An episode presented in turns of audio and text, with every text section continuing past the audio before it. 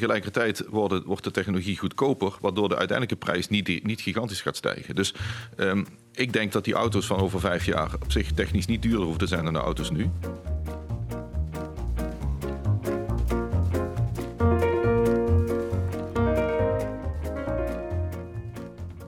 Bij elke reis die we maken, denken we zelf na over onze manier van vervoer. Vaak is dat de auto, de fiets of de trein. Maar wat verandert er voor de mobiliteitssector als data gaan bepalen hoe we gaan reizen? Welkom bij De Nieuwe Mobiele, de podcast van ANWB Zakelijk. Mijn naam is Annette van Soest en in deze driedelige serie onderzoek ik hoe data en connectiviteit onze manier van reizen gaan veranderen en wat dit betekent voor de mobiliteitssector. In de vorige aflevering keken we naar de toekomst.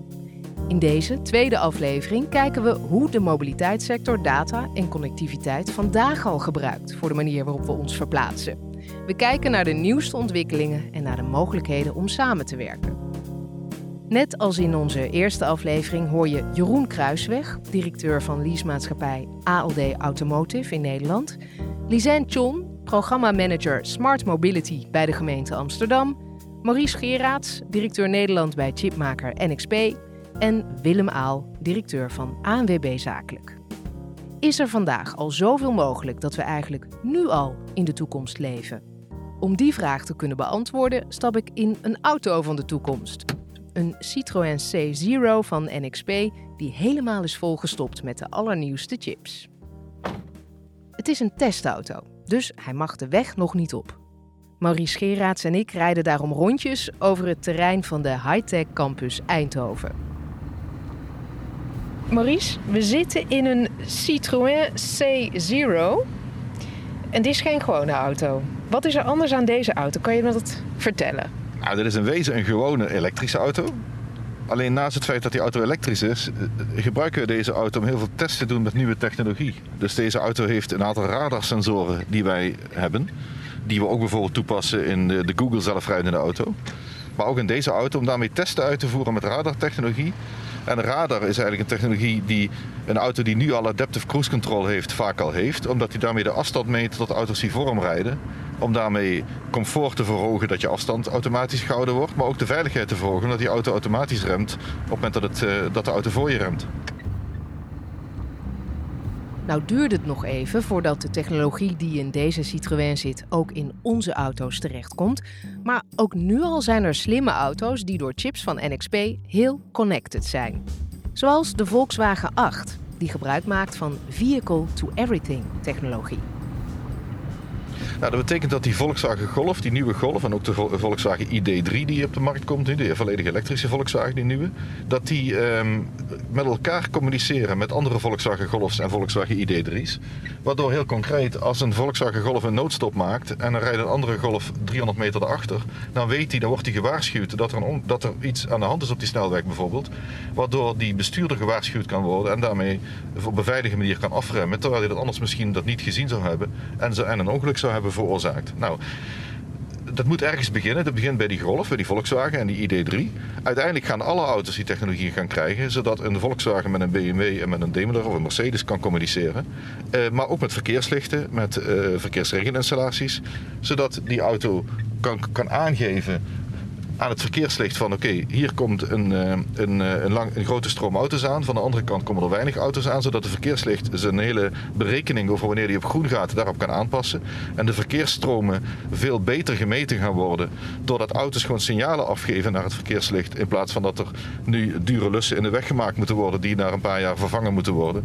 Die uiteindelijk op dit moment meten wat er aan de hand is in een, in een, in een kruispunt.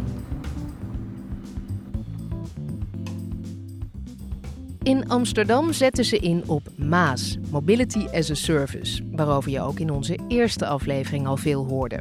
De stad doet mee aan een van de zeven landelijke MAAS-pilots van het ministerie van Infrastructuur en Waterstaat. Met een app regel je je reis en stap je bijvoorbeeld op je deelscooter, huur je een deelfiets of reis je met de metro. De pilot in Amsterdam wordt gehouden in het zakelijke hart van de stad, zegt Lisanne John, programmamanager Smart Mobility bij de gemeente. En die keuze is niet toevallig. Ja, we hebben gekozen voor de Zuidas, omdat daar gaan heel veel werkzaamheden starten. Dus het gaat daar gewoon vastlopen, dat weten we. Die A10 wordt ondertunneld, het wordt daar drukker. Uh, en we zochten ook gewoon naar een goede launch en customer. En dat zijn de werkgevers op de Zuidas die hebben aangegeven... wij willen ook onze werknemers vragen om op een andere manier te gaan reizen. Want als dadelijk het daar vastloopt, dan moeten ze wel. Dan kunnen ze niet meer met de auto. En aan de andere kant zie je ook dat al deze partijen... hebben ook gewoon heel veel mobiliteitsbudgetten. Dus wij zagen kansen. Dus om die reden hebben we gekozen voor de Zuidas.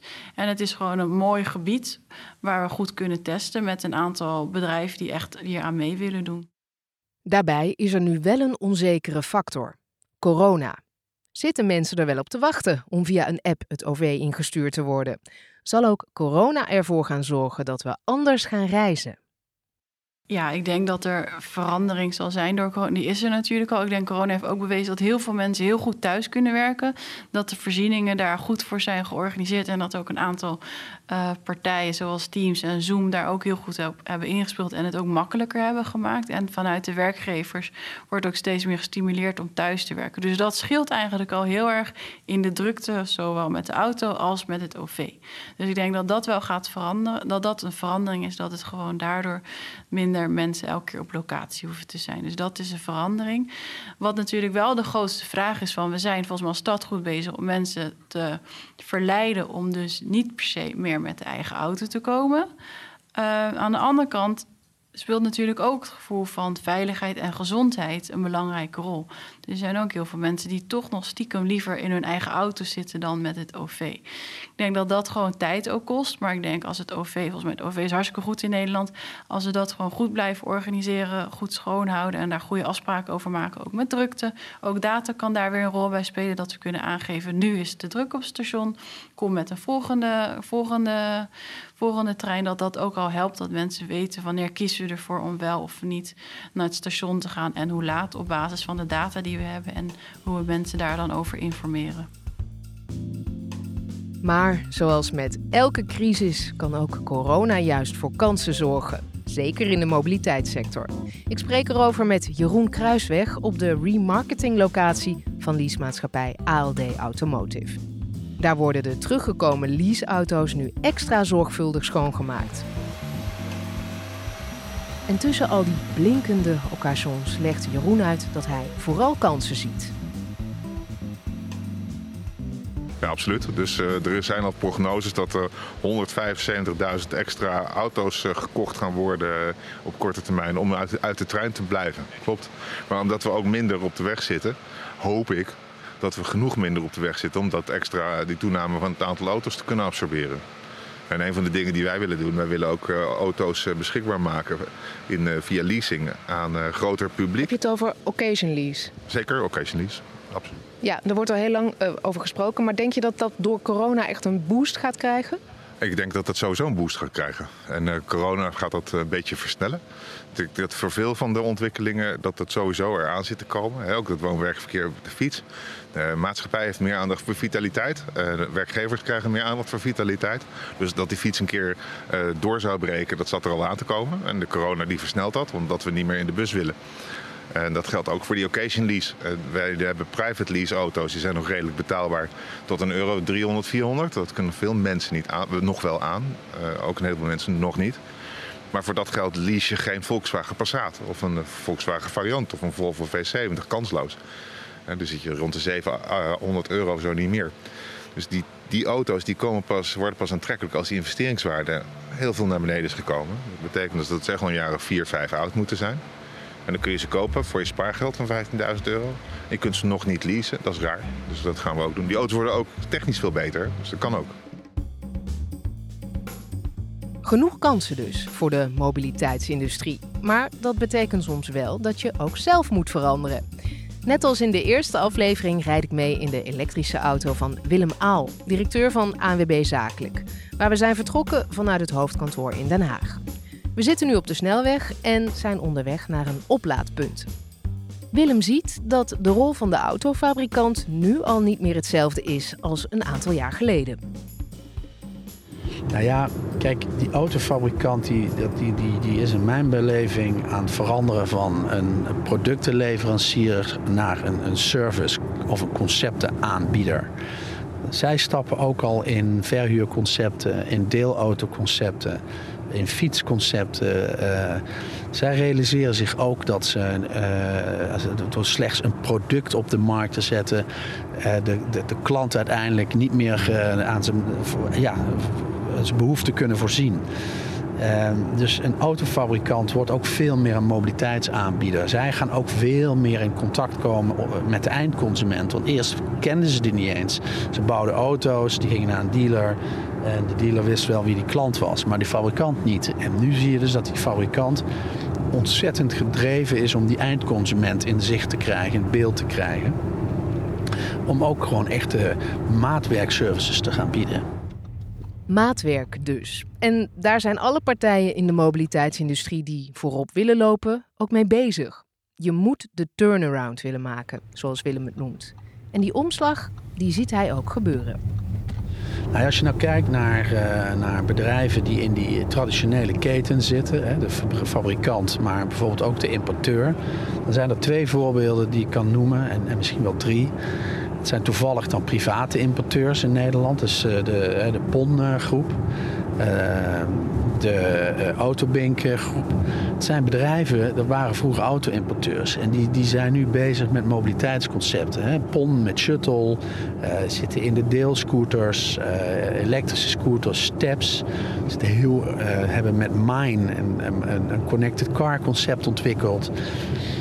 Autobink met Radius uh, zit ook in het connected car heel zwaar. Ja, het zijn bedrijven die ook die, die, die turnaround aan het maken zijn. Hun verdienmodel verandert ook. En ze zien ook dat die fabrikanten feitelijk ook hetzelfde aan het doen zijn. En net zoals wij, de automobielclubs in Europa, zijn ook aan het bewegen van pechhulporganisaties naar mobiliteitsproviders. Hè. Dus wij maken die beweging ook. Dus uiteindelijk, ja, en dat is het mooie voor de eindconsument, heeft hij dadelijk gewoon uh, een, uh, een keuze in welk ecosysteem die wil gaan stappen. Uh, bij een OEM, bij een automobielclub of misschien bij een, een, een, een auto-importeur à la PON die allerlei concepten aanbiedt. Dus er is dadelijk echt wel wat te kiezen. Er is dus straks iets te kiezen. Maar hoe zit het dan met de prijs die we voor vervoer gaan betalen? Waar we in ieder geval niet voor hoeven te vrezen, is dat de auto steeds duurder wordt, zegt Maurice Geraerts van NXP. Want ja, door slimme chips is de auto steeds meer connected en verzamelt hij ook steeds meer data. Maar dat betekent niet dat de auto ook veel meer gaat kosten. En daar komt ook nog eens bij dat door Maas de kosten voor mobiliteit zelfs kunnen gaan dalen. Nou, als je kijkt de systemen in die auto die al die nieuwe snufjes hebben, die eh, automatisch kunnen rijden, die afstand kunnen houden, die veel veiligheid toevoegen, dat, dat, dat maakt, daar zou je van kunnen zeggen, die technologie maakt die auto duurder. Anderzijds is dat feitelijk niet zo. En dat komt omdat Moore's Law zegt elke 18 maanden worden die chips twee keer zo krachtig of twee keer zo goedkoop. En dat kun je ook zien als je jouw eigen smartphone vergelijkt met een smartphone van 6, 7 jaar geleden. Dan zal die ongeveer even duur zijn, tenzij je een heel duur merk hebt gekocht aan het. Maar die, zal, die, die is niet wezenlijk duurder in, in, in wat die kost om te produceren. En dat komt omdat die chips elke 18 maanden steeds meer kunnen. En daar maak je ook gebruik van. Maar tegelijkertijd wordt, wordt de technologie goedkoper, waardoor de uiteindelijke prijs niet, niet gigantisch gaat stijgen. Dus um, ik denk dat die auto's van over vijf jaar op zich technisch niet duurder hoeven te zijn dan de auto's nu. Daarnaast zul je zien, en we hebben het eerder gehad over mobility as a service, over delen van auto's. Op het moment dat jij een auto niet 5% van de tijd gebruikt wanneer die 95% stilstaat, maar dat je hem deelt met anderen, zodat de productiviteit van die auto stijgt, dat die misschien 30 tot 40% van de tijd gebruikt kan worden, dan deel je de kosten. En als je de kosten deelt, dan wordt het uiteindelijk veel goedkoper. Dus ik denk dat we over 10 jaar uh, goedkoper op prijs zijn dan we dat nu doen. Voor minder geld de prijs dus, dankzij Maas, en chips die goedkoper worden, denkt Maurice. Maar dan moeten de partijen in de mobiliteitsindustrie wel goed gaan samenwerken en data gaan delen, zegt Lisanne Chon van de gemeente Amsterdam. En om alle voordelen van Maas mee te pakken, moet je natuurlijk ook een goede Maas-oplossing bieden. Nou ja, een voorbeeld kan zijn bijvoorbeeld uh, als we zien dat het in bepaalde gebieden veel drukker is. Uh, in het centrum. Daar willen eigenlijk alle bedrijven willen dolgraag daar starten en hun diensten aanbieden. Aan de andere kant willen we ook gewoon voor de spreiding is het belangrijk, maar ook gewoon voor de inclusiviteit dat iedereen toegang heeft tot nieuwe diensten. Nou hoe kan je dan data gebruiken om het betaalbaar te houden? Ik denk één door de verschillende reizen die op elkaar aansluiten seamless te doen. Dus gewoon dat er een goede aansluiting is. Dat partijen dus ook weer samenwerken en bereid zijn om als het ware de reis die er gemaakt wordt met elkaar te delen. En vervolgens ook de prijzen daarin, dat ze daar, daarin samenwerken. Dat je niet verschillende prijzen moet. Dus als je een stukje metro pakt en vervolgens een stukje deelfiets dat je dan twee verschillende prijzen moet betalen. Maar dat het gewoon in één pakket zit op basis van de data die er verzameld wordt. En op die manier een slimme en efficiënte reis kan maken. En met Seamless bedoel je dat je eigenlijk maar één app of één pasje nodig hebt om die reis te maken van A naar B. Ja, zeker. Dus dat scheelt ook gewoon verschillende pasjes, verschillende manieren om aan te melden en ook een makkelijker betaalsysteem. Op een slimme manier efficiënt reizen door middel van data dus. Als partij in de mobiliteitsindustrie kan je dat nu voor je klanten of leden mogelijk maken. En in het begin hoef je nog niet direct die allesomvattende Maas-oplossing te hebben. Zo is Willem Aal nu ook volop bezig met BAAS, oftewel Bikes as a Service, en CAAS, wat dan weer staat voor Cars as a Service. En wat we eigenlijk willen is dat op het gebied van auto en ook fiets, dat is hetzelfde, hè, bike as a service, uh, dat we uh, onze leden over een aantal jaren uh, kunnen adviseren wat ze voor een bepaald mobiliteitsbedrag op het gebied van, het gebied van auto's en fiets moeten doen. Dus heel simpel. Ik woon in Utrecht. Ik heb een woon-werkverkeer afstand van zoveel kilometers per jaar. Ik ga drie keer per jaar op vakantie. Uiteindelijk uh, heb ik 1000 euro per maand uh, ervoor over. Mijn echtgenoot heeft ook een vervoersbehoefte, mijn kinderen. En dan vraag ik uh, aan de AWB, geef mij een advies op het gebied van auto en fiets voor 1000 euro wat ik moet doen. Moet ik gaan huren? Moet ik gaan leasen? Moet ik gaan kopen? Waar doe ik mijn onderhoud?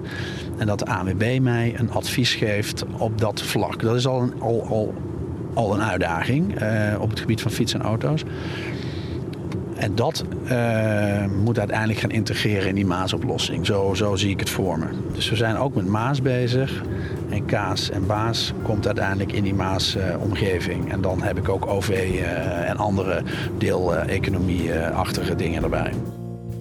Data geeft partijen in de mobiliteitsindustrie dus de mogelijkheid om de reiziger echt opvies op maat te geven. In de volgende en laatste aflevering gaan onze vier hoofdrolspelers met elkaar op een bijzondere plek aan tafel. We gaan dan bespreken wat er voor nodig is om onze verschillende manieren van mobiliteit zo goed mogelijk op elkaar af te stemmen. Hoe zorgen we ervoor dat Nederland op een betaalbare manier bereikbaar blijft? Hoe kunnen de partijen in de mobiliteitssector meer profiteren van de mogelijkheden die data en connectiviteit bieden? En hoe belangrijk is samenwerking? Dat hoor je in de derde en laatste aflevering van De Nieuwe Mobiele, de podcast van ANWB Zakelijk. Mijn naam is Annette van Soest. Tot de volgende.